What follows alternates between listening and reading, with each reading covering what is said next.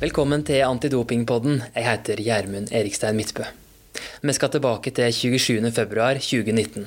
Norge har alt feira sju av åtte mulige gull på langrennsstadion i alpebyen Seefeld. Det har vært strålende sol, påskestemning og haugevis av gullfeirende nordmenn har tatt helt over den vesle byen. Men denne februardagen starter òg ryktene om at ikke alt er som det skal. En av de største favorittene på 15 km klassisk dukka aldri opp da han skulle starte på favorittdistansen. Kasakhstanske Aleksej Poltaranin. Det viste seg at det hadde vært en politirazzia i Seefeld dagen før. Og samtidig som Martin Jonsrud Sundby gikk inn til sitt første VM-gull, holdt austrisk politi pressekonferanse og fortalte at ni personer var pågripne etter razziaen, og blant dem var fem langrennsløpere. De hevda å ha avslørt en stor internasjonal dopingring.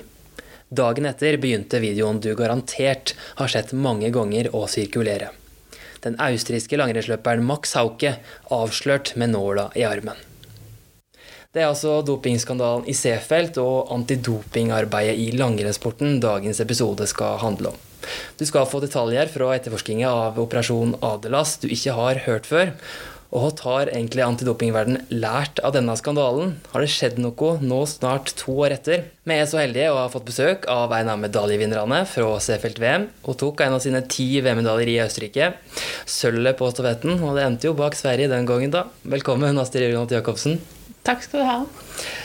Nå har jo du lagt opp og kommer rett fra en ny rolle som NRK-ekspert på, på Beitostølen. Åssen var det?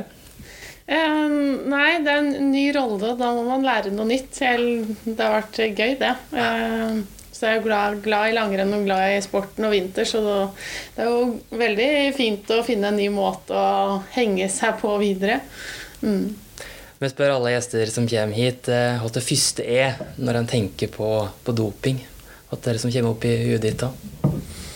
Nei, det er vel kanskje først og fremst eh, juks. Ja. Mm. Det er det jeg tenker på. Og så samtidig hvor forskjellig bakgrunnen bakgrunn man har som barn og ungdom og ung voksen. Hvordan det kan gi utslag i hva slags valg man tar i voksen alder som profesjonell utøver. Mm. Det er verdt å nevne at du er leder av utøverkomiteen i norsk idrett. Det skal vi snakke mer om seinere, men eh, nå uttaler du deg som langrenns-Astrid først og fremst, da, som utøver og, og nå tidligere utøver. Eh, og så har vi òg Mekon, en av dem som, de som veit mest om denne saka i Norge. Anders Engen, du er etterforsker hos i Antidoping i Norge. Velkommen til Antidopingpodden. Takk for det. takk for det. Men først til deg, Astrid. Du, husker du hvor du var da du hørte om denne avsløringa og så denne videoen for første gang, når du var i denne VM-bobla i Seefeld? Eh, ja, jeg husker det veldig godt. Eh, vi bodde jo på et hotell uh, i en sånn, hva skal vi si, liten sånn forstad til selve Seefeld. Vi bodde ikke helt riktig oppe i Seefeld, men sånn en liten landsby rett nedenfor. Og der, eh, det var kobla på som løypenettet. Liksom det, det, var faktisk et veldig stort sånn turløypenett med langrennsløyper i, i, og rundt Seefeld. Uh, og jeg tror den, uh, den morgenen så hadde vi vært ute og trent med flere av jentene. For det var jo uh, Det var dagen etter at vi hadde gått tiklassisk.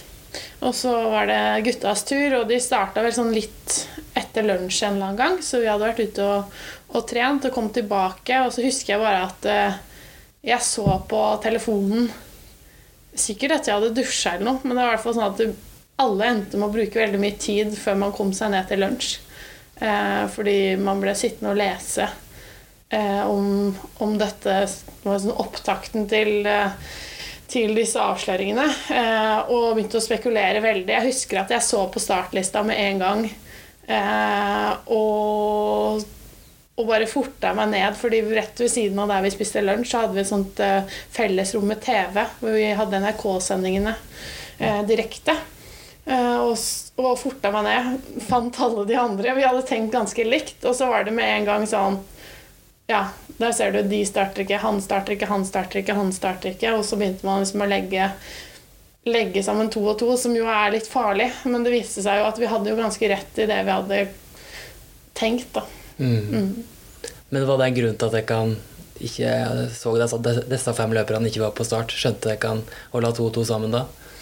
Eh, det var jo veldig mistenkelig òg, fordi vi på en måte så at det var noen nasjoner som gikk igjen. Eh, og at det på en måte også har jo vært nasjoner som vi kanskje ikke er så tett på. Og vi ikke kjenner utøverne veldig godt. Og de også har historie fra tidligere mm. med andre utøvere som kanskje ikke har eh, konkurrert helt på riktige vilkår. da. Mm.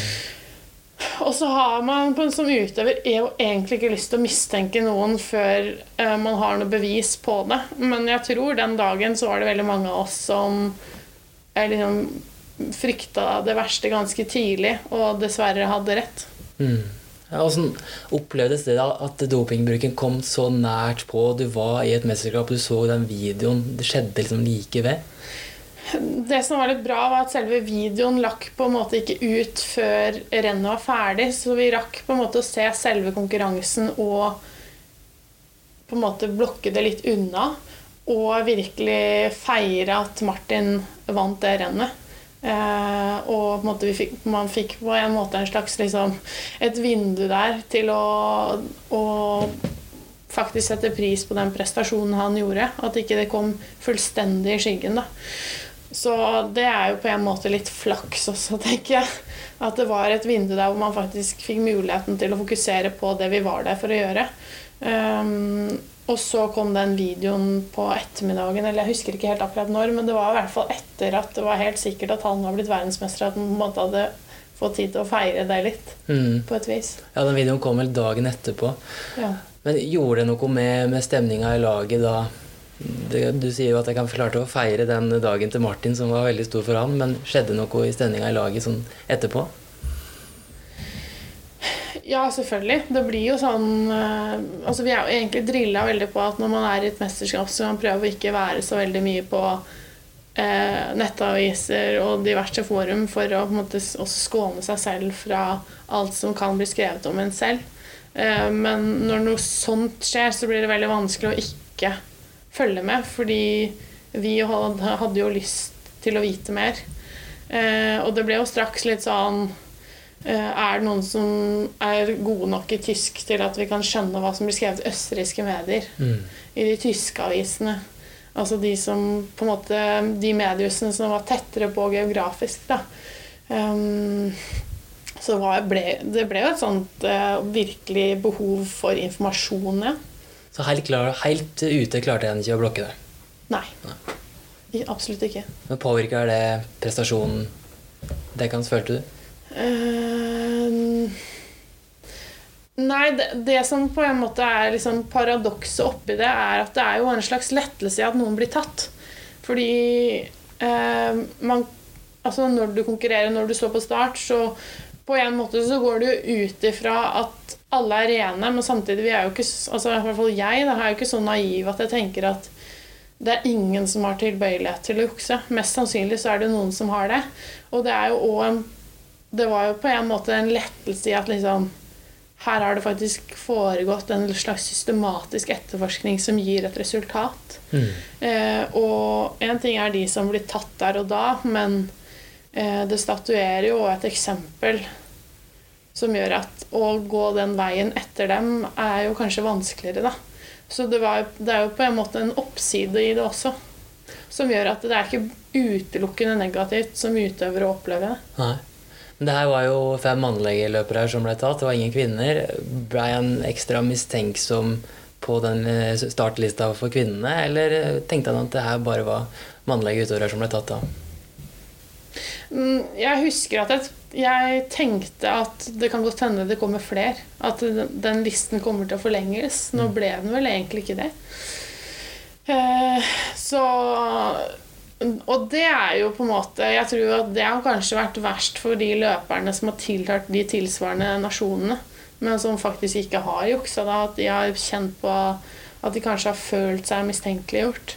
Eh, men jeg tror har, altså jeg har jo opplevd flere skandaler eh, av den typen. Og er, på en måte litt vant til at det er Man skal på en måte ikke begynne å legge andre navn i sekken før de faktisk eh, Det er noe bevis eller noe ordentlige indisier for at de tilhører den sekken. Da. Mm. Vi må få inn eh, Anders Engen her. Du må presentere deg litt mer, da.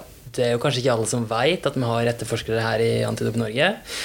Men du er en av dem, og du har jo bakgrunn som etterforsker i politiet fra før av. Mm, det stemmer. Og du har hatt mange møter med noen som har jobba med, med, denne etterforskninga i, i, Østerrike og Tyskland eh, de siste to åra. Du har fått vite mye, kanskje det som er verdt å vite om denne saka. Kan du fortelle litt om åssen det her starta? Ja, det kan jeg. Ehm, på en måte mitt første møte med den saken her, det var jo allerede i desember. Ehm, da satt jo oss på informasjon om at det var en tysk lege med navn Mark Schmidt som har vært i Norge.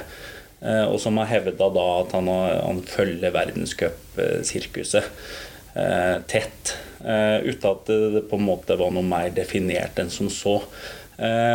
Nå skal man vite at Den etterforskninga som pågikk allerede da, den var jo en lukka etterforskning, en skjult etterforskning, som vi pleier å si i politiet. Dvs. det vil si at det er veldig lite informasjon som går ut til f.eks. andre kanskje andre politi i andre land eller antidopingorganisasjoner. Dette er en lukka etterforskning. Eh, der det blir benytta metoder som kommunikasjonskontroll og den biten der.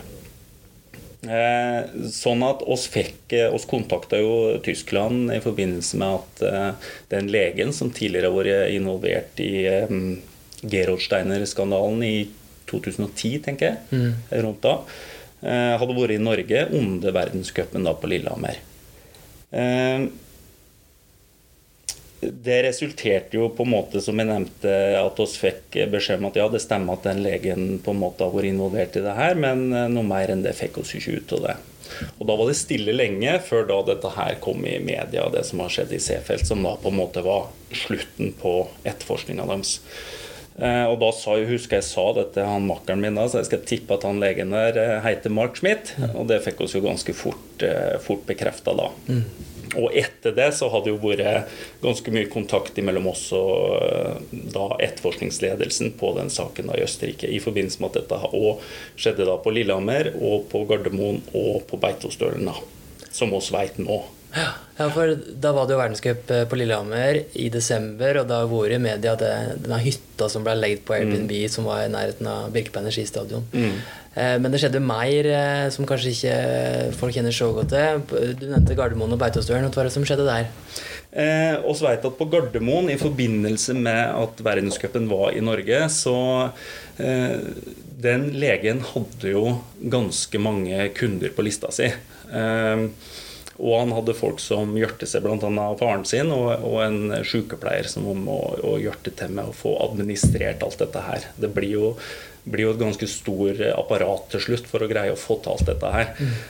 Så vi vet at på Gardermoen så ble det foretatt på et hotell på Gardermoen så ble det foretatt transfusjon. Eh, rett og slett at det måtte skje der fordi at de skulle andreplass i tillegg. Og transfusjon for deg som ikke ja, det er enten at du tar ut eller, eller fyller ut med blod, da. Ditt ja. eget blod. Mm. Som da ble brukt i denne saken her, så brukte de eget blod. Um, og I tillegg så vet vi at det òg skjedde på Beitostølen i forbindelse med at verdenscupen gikk der det året. Mm. Mm.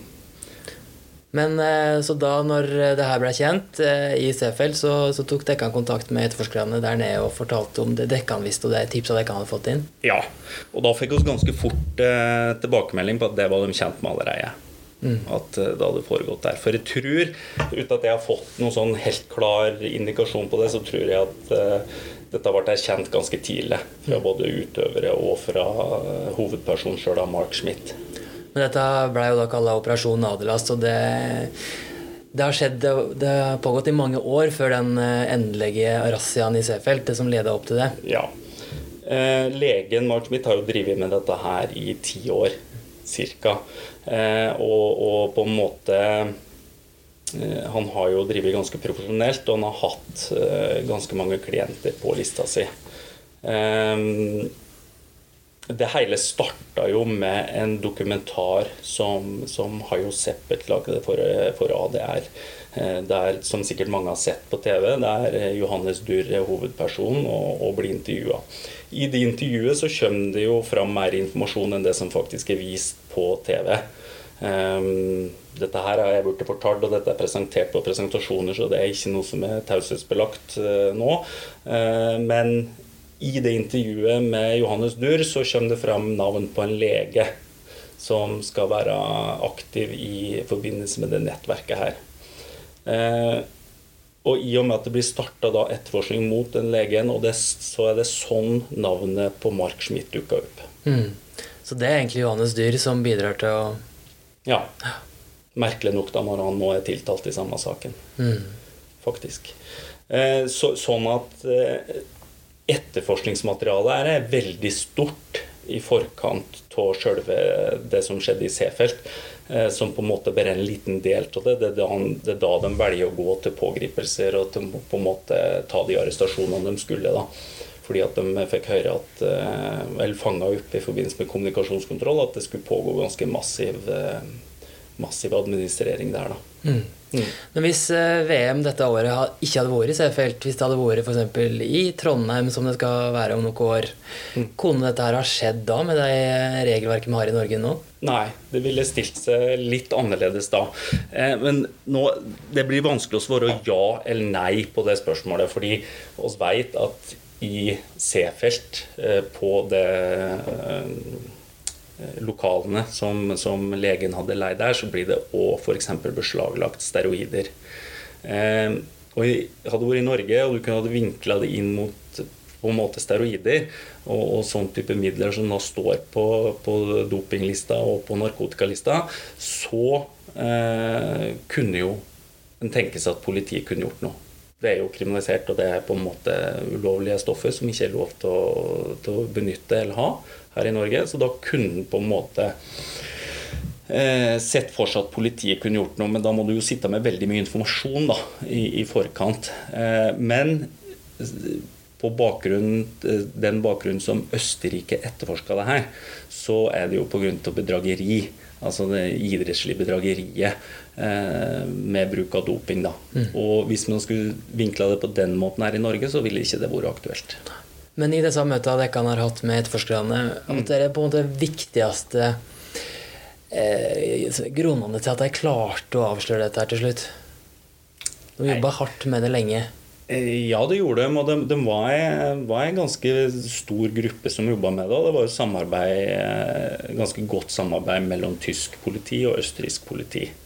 Eh, og det er klart, med de metodene du kan, sette i gang når du har en politietterforskning, så kan du bruke det som blir kalt tvangsmidler og, og, og den biten. Og da det er klart du vil få veldig mye informasjon. Og når du da greier på en måte å finne legen, som er hovedpersonen i saken her, eh, og du på en måte kan ha fokus på han, og på den måten da finne de utøverne som på en måte benytter han, så, så er jo sjansen for suksess ganske stor.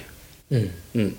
Du nevnte tidligere når vi snakka om, om dette her, eh, en flytur til, til Korea med utøverne. Ja, ja, det er jo veldig mange små detaljer som interesserer oss, da, som jobber med etterretning og den biten her. Og da er det jo ofte detaljene som er utslagsgivende.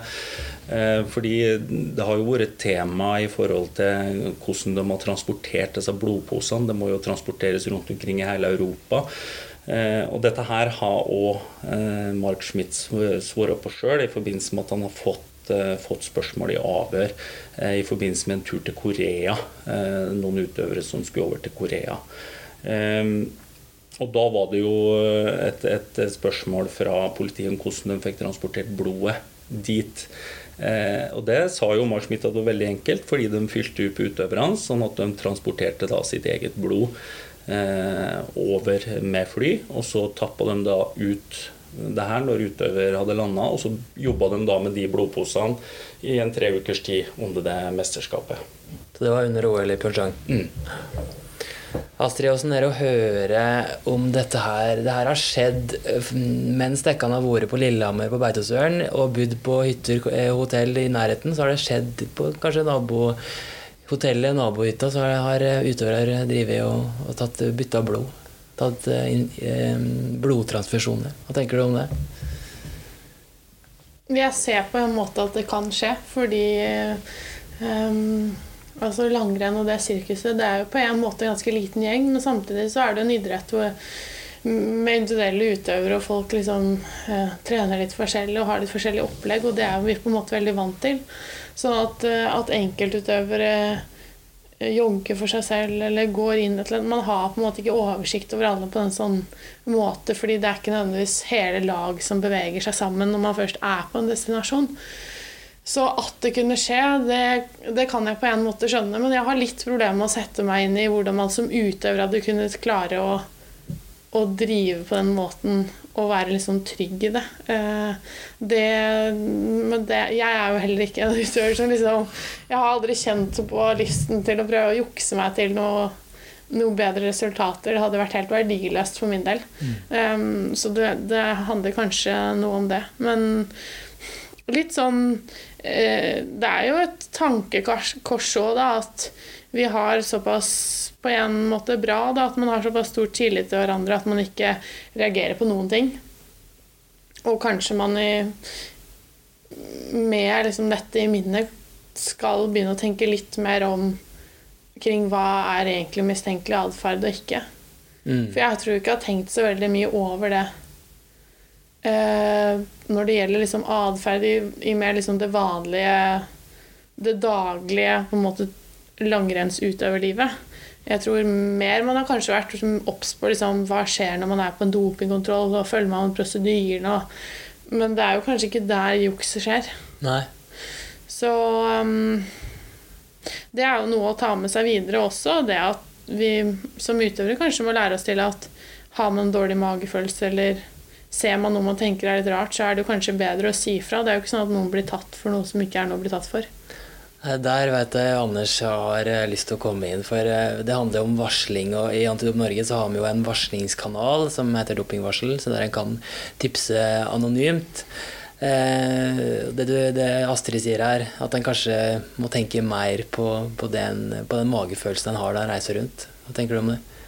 Ja, jeg håper jo at på mange måter skal dra det som en positiv konsekvens ut og sånne type saker. da, at, eh, og nå, nå sier ikke at utøvere skal gå og tenke på det her hele tida og, og, på en måte gå og spane for, for oss der, men, men jeg, jeg, tror oss kommer langt hvis vi på en måte får sådd et lite frø her, og at folk Eh, bruke et feil uttrykk, åpne øynene litt, og så at en kanskje, kanskje sier fra når en får en, en, dårlig magefølelse, eller at det er noe som ikke helt stemmer. Og så har jo snakka med utøvere mm, i en periode nå eh, og brukt på en måte momentet den saken her ga oss litt. Og da, da, Det er jo veldig mange som når de tenker etter og får litt innspill fra oss om hva som kunne vært interessant å vise noen som faktisk som faktisk har vært borti en hendelse som de, de syns skurrer, eller, eller, noe som de tenker at dette burde jeg kanskje ha sagt fra dem. Og det, det, er veldig viktig for oss, for å se jo det i en sånn type etterforskning og, og, og sånne type saker, så er det de små detaljene som er viktige. da hvordan dette her gjøres, og ser at det, det, er fortsatt en metode som har vært brukt i lang lang tid. Det, det er ikke noe nytt kjempestoff som har dukka opp. Det, det, er ikke noe sånt som oss ikke finner At det dukker opp et stoff vi laboratoriet ikke greier å finne. eller noe sånt. Det er den, den gode, gamle måten. Eh, og da må vi se på hvordan gjør de dette her. Hva er metodene de bruker? Hvordan eh, hvor er det i nærheten av stadion? Er det langt unna stadion? Hvor lang, hva er tidsintervallen her? Og det er de små detaljene der da, som oss håper at utøvere som kanskje tenker litt over det, at det skal kunne hjelpe oss med da, i forhold til å peke piler i riktig retning i forhold til grupper med utøvere eller enkeltutøvere. Mm. Et støtteapparat. Jeg tror jo at um, det var litt sånn sjokkerende for mange av oss. For jeg tror vi nok tradisjonelt uh, har i hvert fall jeg tenkt, og jeg tror mange utøvere med meg, da, at de som At man kanskje er mer mistenksom på de som er, kjempe, som er best. Mm. Eller som plutselig blir best. Hva er det de har gjort? At det da. Men dette var utøvere som egentlig ikke presterte sånn kjempebra heller. Og det var litt sjokkerende at Oi, er det jukser de? Mm. Men da, hadde, tanken hadde ikke slått meg at man kunne velge å gjøre det når man egentlig hadde nådd toppnivå, da, sånn sett borte, fra Potoranin. Men han var jo ikke på noe topp denne sesongen. Men han hadde jo hatt eh, toppresultater tidligere, selvfølgelig. Um, men det var overraskende. Og samtidig, hvis man Når jeg har tenkt meg om i ettertid, så er det kanskje der desperasjonen uh, er på det største, da. Når du trener og trener og trener og kanskje føler du blir satset på i respektive landslag, og så klarer du ikke å ta steget. At det er da man blir desperat og gjør sånne tiltak. Og det hadde ikke jeg reflektert mye over på forhånd. Nei, Det var jo utøvere her som var rundt 40-50.-plass. Nå, nå klarte jeg en sjetteplass på lagsprinten, da, det østerrikske laget, men det var ikke noen topputøvere her. Nei, og jeg tror, jeg tror eh, eh Det er jo sikkert vanskelig å svare på, og, sånn, men, men, jeg tror det at eh, de faktisk eh, kan de gjøre det bare fordi at de har lyst til å være i, det gode selskap, for å si det sånn. At de, de, de, da er de på et landslag, de holder seg inne på landslaget, og de eh, får de godene som, som det er. da, At du på en måte får være med rundt på, på verdenscupen og får delta i mesterskap. Og jeg tror kanskje det ligger noe der at en kanskje ikke nødvendigvis bruker de metodene og, og de midlene her for å bli nummer én. Nå er, jo, nå er, det jo, også sagt fra, fra to av de utøverne der at de faktisk har, har bremsa og gått roligere for ikke å vekke noen mistanke. At de hadde mer å gi på noen renn. Om det stemmer, eh, det, det vet ikke jeg. Men, eh, men, det kan jo tyde på at det kanskje det blir gjort for eh, å på en måte helle seg blant de beste. da i sitt land. og så har det jo selvfølgelig mye med kultur fra der de kommer fra sånn å gjøre. Om det faktisk går an å benytte at du, at du, går til det steget og benytter deg av sånne metoder. Da. Ja. Men med Astrid, tror du noe som dette her kunne ha skjedd i, i Norge? Vi har jo, jeg så det på Beitostølen eh, nå, at vi har eh, ganske mange gode langrennsløpere i Norge. Det er ganske trangt nåløyet. Er det noe som er villig til å, å, å, jukse for å komme gjennom det nåløyet? Jeg tror jo vi har en kjempefordel i Norge at eh, kulturen er god, da, på den måten at eh, jeg tror det er veldig mange som har lyst til å bli gode. Det er veldig mange som har lyst til å komme på landslaget eller få god verdenscup eller bli verdens beste. Så kampen om, om liksom de plassene er jo veldig, veldig hard. Men kulturen i bunn er nok sånn at det er ikke verdt Det er ikke verdt Altså nedsiden ved å bli tatt for noe sånt i Norge er jo veldig veldig stor. da, Fordi det anses jo som veldig forkastelig å gå den veien. Så jeg tror at eh, terskelen for å gå den sette den kursen da, den er nok betydelig høyere enn i en del andre land i Europa. Eh, men så tenker jeg man skal aldri utelukke det. Fordi jeg, altså, jeg kan jo ikke sette meg inn i helt eh, hvor langt den enkelte er verdt å strekke strikken for å nå det målet. Hvor viktig er det egentlig? For jeg har jo bare meg selv som referanse. Mm. Og for min del så har på en måte har det med idrett og toppidrett eh, og resultater og prestasjoner Det har på en måte vært viktig, men det har aldri vært viktigere enn livet. Det har aldri vært viktigere enn eh, enn mine egne liksom, eh, moralske grenser. Ikke sant? Sånn at jeg alltid ville drive idrett på en verdibasert måte. Og da klarer jo på en måte ikke jeg å sette meg helt inn i at man er villig til, til å krysse den, den grensen. Um, men at det finnes noen som kan være villig til det, det tenker jeg at man, man på en måte burde tenke at det også finnes i Norge. Og så mm. tror jeg bare at eh, terskelen er mange, mye høyere her enn det er mange andre steder. Mm. Men eh, du snakker om kultur, og man snakker om varsling. Hvordan tror du den kulturen er for å, å varsle om en, en er mistenksom har en dårlig magefølelse? Det kan jo både være nasjonalt og internasjonalt kulturen for varsling, mm. Eh, den tror jeg vi har en god altså, Det er en jobb å gjøre, da. For jeg tror at de gangene utøvere har en dårlig magefølelse, så blir det kanskje bare snakket om internt. Men at man, det går ikke noe videre enn det. Og så er det på en måte en, Det er jo en veldig sånn destruktiv ting å snakke om internt òg, så det blir ofte stoppet, på en måte. Fordi det er jo ikke noe bra fokus å ha som utøvere at man skal gå rundt og spekulere i om andre jukser. Uh, så det, det, er nok samtaler som veldig ofte stoppes fordi det er uhensiktsmessig å ha i et uh, miljø. Og det tror jeg er riktig, men jeg tror man burde stoppet de og så ledet de eh, til Anders, da, eller en, mm. eh, til en varslingskanal istedenfor å bare stoppe de. Mm. Eh, fordi um, Kanskje så er det bare én av hundre ganger at det har noe for seg, men da er det jo verdt det likevel, tenker jeg. Mm. Og der er, har man ikke noen god praksis eh, i toppidretten foreløpig, da. For Anders, eh, det er jo slik at en kan varsle om, om, ting en ser på, på internasjonale arenaer, internasjonale konkurrenter. Absolutt. Hva syns du om det Astrid sier?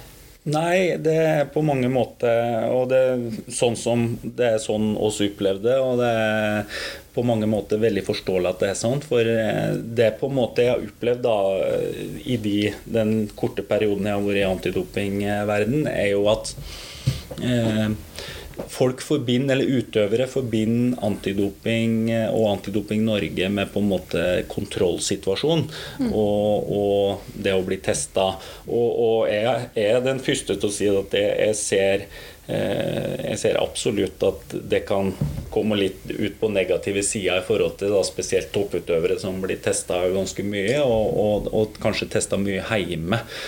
Eh, for det, det, medfører jo en belastning, selvfølgelig. Og, det, det, og da, da kommer vi kanskje litt ut på minussida, ikke at de har noe imot Antidoping Norge, men, men blir en, det, blir en, sånn ekstra ting.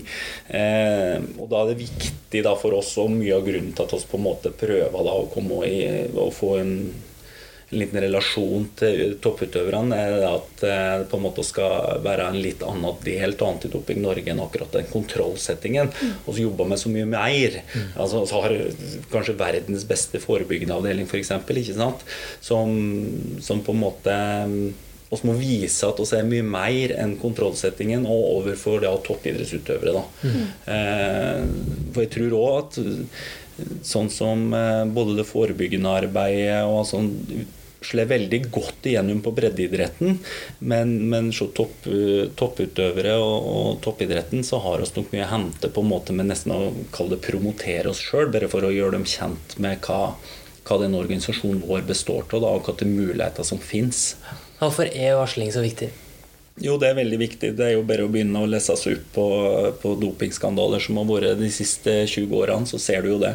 Det, det starta jo ikke med kun en positiv prøve alene, eller en blodprofil alene. Eller, det, er jo, det er jo sammensatt av varsling og av et bredt samarbeid.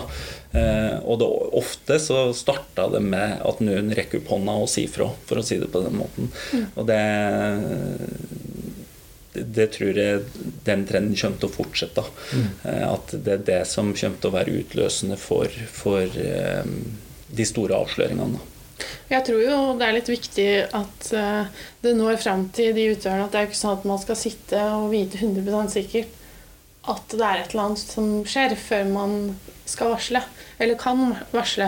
Og det å varsle på noe man bare anser som litt mistenksom eller unormalt, Eh, det betyr jo heller ikke at noen blir tatt. Eh, det tror jeg er litt viktig, for ellers så vil jo veldig mange nøle veldig. Mm. Eh, og, og, sitte med dårlig samvittighet for at man kanskje ødelegger en, en idrettskarriere sånn utilsiktet. Det, det, skjer jo ikke ved at man varsler. Så på en måte Det å få alle utøverne, og for så vidt de rundt, da, trenere, støtteapparat, de, de får jo med seg minst like mye. Mm. At det etableres en forståelse av at det er en mulighet til å på en måte få lagt den dårlige magefølelsen et annet sted. Det er nesten til å få kvitte seg med den. ikke sant? Bli ferdig med den, gi den over til noen andre. og så, så, så kan de ta den videre og finne ut er det noe hold i dette, er det noe vi skal se på videre. Um, og at det, ingen blir jo dømt på bakgrunn av en varsling.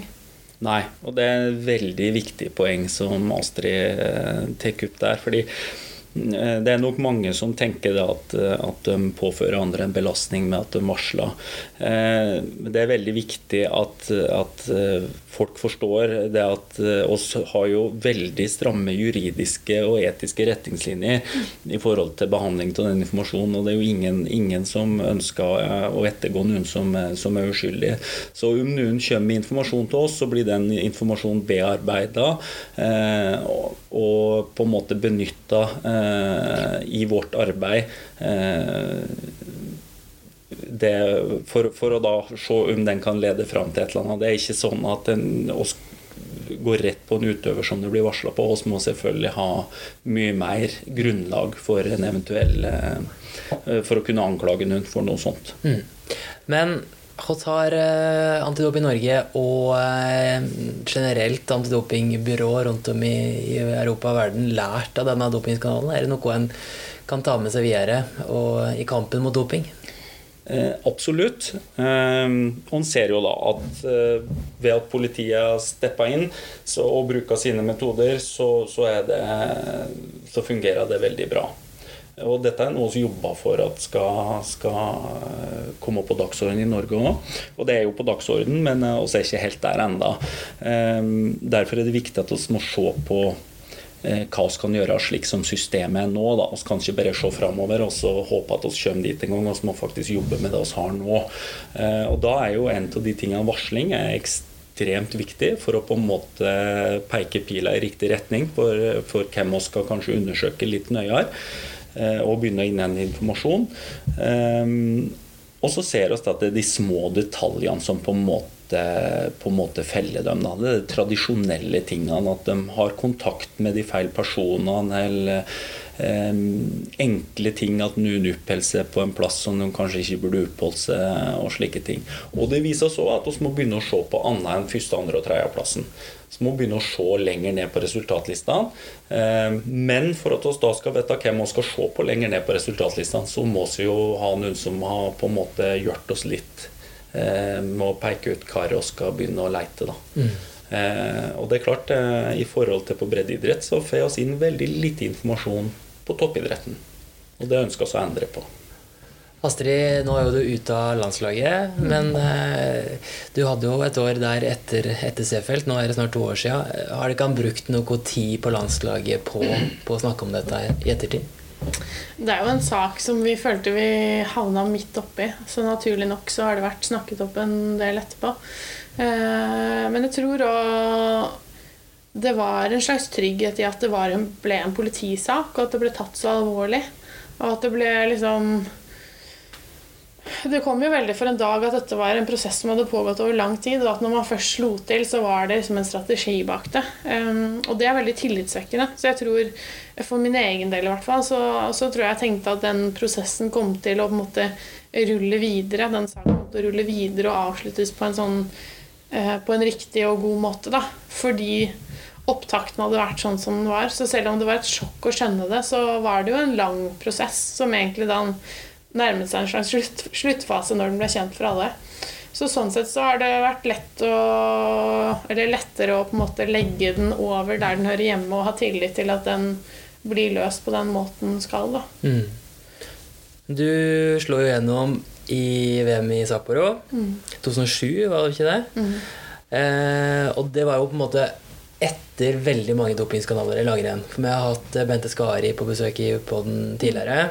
Hun konkurrerte jo kanskje i den verste tida. Hadde, mange av hennes største rivaler blei jo tatt. Eh, er du trygg på at det har vært bedre i de karriere enn det var da? Eh, ja, jeg, tro, jeg tror det har vært bedre fordi Eh, hele systemet, altså hva det alt, er jo såpass ungt mm. at på den tiden Bente konkurrerte, så var det jo helt Det var nesten så det fortsatt var i støpeskjeen. Man må nesten regne med at det fortsatt var masse barnesykdommer, og at kanskje gapet mellom de som prøvde å jukse, og de som prøvde å jage Eller ta de som juksa, da. At gapet var mye større enn det jeg ser for meg at det er i dag. Og så kan det hende at jeg er naiv, og at fortsatt, liksom, de fortsatt ligger langt foran, de som prøver å jukse. men det oppleves i hvert fall som om på en måte Det er ikke så ofte at folk presterer helt sånn med huet og armer og bein i alle kanter, og at det går kjempefort likevel. Sånn, litt sånn umenneskelig. Mm. Eh, men at det er mer sånn Det er en større stabilitet mellom de enkelte utøvernes prestasjoner. Da. Så det er mye sjeldnere at man tenker sånn Jøss, dette var da veldig rart. Um, men så tenker jeg at jeg, jeg, har konkurrert så lenge at det nesten ville vært rart om jeg ikke har konkurrert mot noen som har juksa. Eh, fordi de, de, må jo dukke opp med jevne mellomrom. Ja, du har jo ikke fått noen medaljer i posten, men tror du du burde ha hatt det?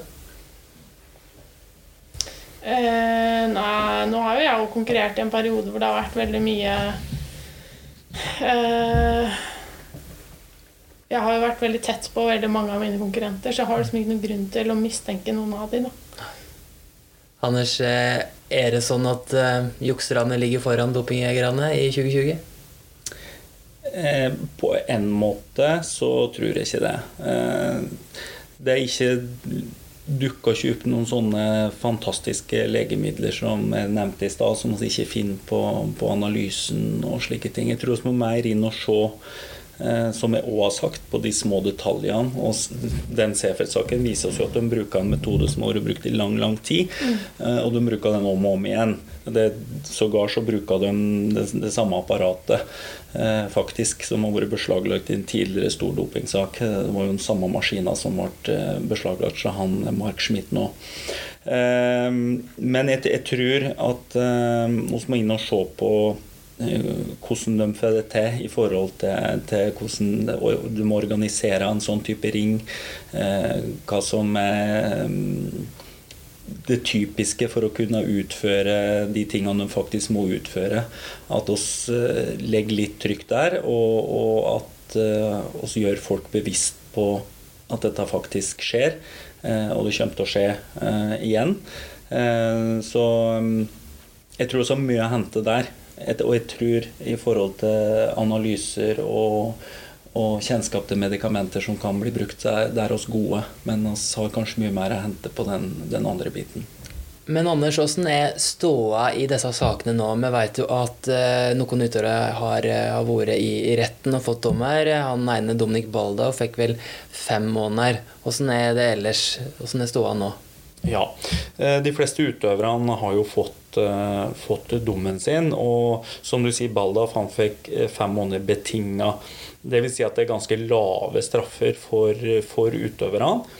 Uh, Mark Schmidt han har vært i retten, og han skal ha siste dagen sin i retten den 21.12. nå i år. Og der er det vel lagt ned en påstand på fem år, så det blir spennende å se hva de, hva de ender opp på der. Så det er bakmennene her som, som får de største og lengste dommene? Ja, det er det. Det Hvorfor blir det slik? Nei, Det er jo vel i, i sakens natur og, og, i forhold til hvordan eh, straffebudet i østerriksk eh, lov ser ut, så, så er, jo, er, jo, det dem som blir straffa hardest, og, og, det mener jeg jo er helt riktig. Mm. Eh, flere særforbund har jo sett bort mye antidopingarbeidet til uavhengige aktører i friidrett. AIU, skiskyting, har Biathlon Integrity Unit, BIU. Eh, I FIS så, så gjør de det meste sjøl fortsatt. Og en dopingskandale i et mesterskap som Seefeld, er jo på en måte det verste som kan skje for FIS. da. Hva tenker du om, at, om, om arbeidet FIS gjør i antidopingkampen? Jeg har jo ikke full innsikt i alt arbeidet de gjør, egentlig. Men jeg, tenker uansett at historien har jo også vist uh, at enkelte særforbund eller hva skal si, organisasjoner eller aktører som står veldig tett på og har interesser av at mesterskap eller store begivenheter på en måte forløper uten skandaler, at de kan plutselig få en annen agenda enn at man skal avsløre all mulig juks. Eh, og med det bakteppet så tenker jeg man i det minste alltid skal være veldig sånn på hugget eh, på å reise de spørsmålene om dette, blir dette nøytralt nok, blir det objektivt nok. Sikrer man seg nå at man ikke går seg inn i en blindgate? Um, og så lenge fisk skal sitte med alt det ansvaret selv, så tenker jeg det er naturlig å, å reise de spørsmålene. Og så må jo de svare på hvordan de faktisk skal sikre seg mot det. Og blir man mer nøytral ved å ha Altså hvor nøytralt er disse eh, organisasjonene som på en måte settes ut? Det, det diskuteres jo at liksom, WADA er jo egentlig ikke så nøytralt, fordi at det har jo fortsatt veldig mange av de samme menneskene fra, som krysser fra IOC og over. sånn at eh, selv om det på papir er nøytralt, så hvor nøytralt er det, er det objektivt sett? Og det er veldig mange spørsmål som ligger under det. da. Mm. Du er jo da leder av utøver, utøverkomiteen i norsk idrett, som jeg var inne på. Eh, nå som du er da ferdig som utøver, du er fortsatt medisinstudent, men eh, hvordan blir engasjementet ditt der framover? Vi vet at det var, et, eh, vel, var vel et WADA-møte i fjor eller vinter du ikke fikk rest på pga. Mm. satsinga og studiene. Og tenker du om, om den, det arbeidet og det engasjementet ditt framover? Eh, nei, som leder av Uteomkomiteen så er jo det liksom et viktig, det er et viktig tema for oss. da. Eh, og så fordeler vi også litt ansvar internt i komiteen, så det er jo faktisk han som er nestleder, som har hovedansvaret for den for liksom den delen av eh, den internasjonale politikken, eller hvis vi skal kalle det sånn. Um, og, men det jeg kan si på sånn generelt grunnlag, er at vi ønsker jo flest mulig norske utøvere representert internasjonalt, og som engasjerer seg internasjonalt. Så å kunne få inn en, en, en eh, norsk utøver i liksom, internasjonalt antidopingarbeid jo, er jo et mål for oss. Eh, og så er det også et mål for oss at de utøverrepresentantene i WADA skal velges på en annen måte enn det det gjøres i dag. Mm. Eh, for de velges jo ikke av utøvere. Eh, og det er jo liksom et, et prinsipp som vi tenker burde inn. da. Er det noe personlig du har, håper å kunne utrette? Uh, jeg tenker, altså Mitt sånn overordna viktigste engasjement er jo egentlig å få flere utøvere til å engasjere seg i det uh, på en måte rammeverket som ligger rundt idretten. Uh, fordi jeg tror at utøveren, ut, altså norske utøvere har masse kompetanse, og de har egentlig ganske mye engasjement.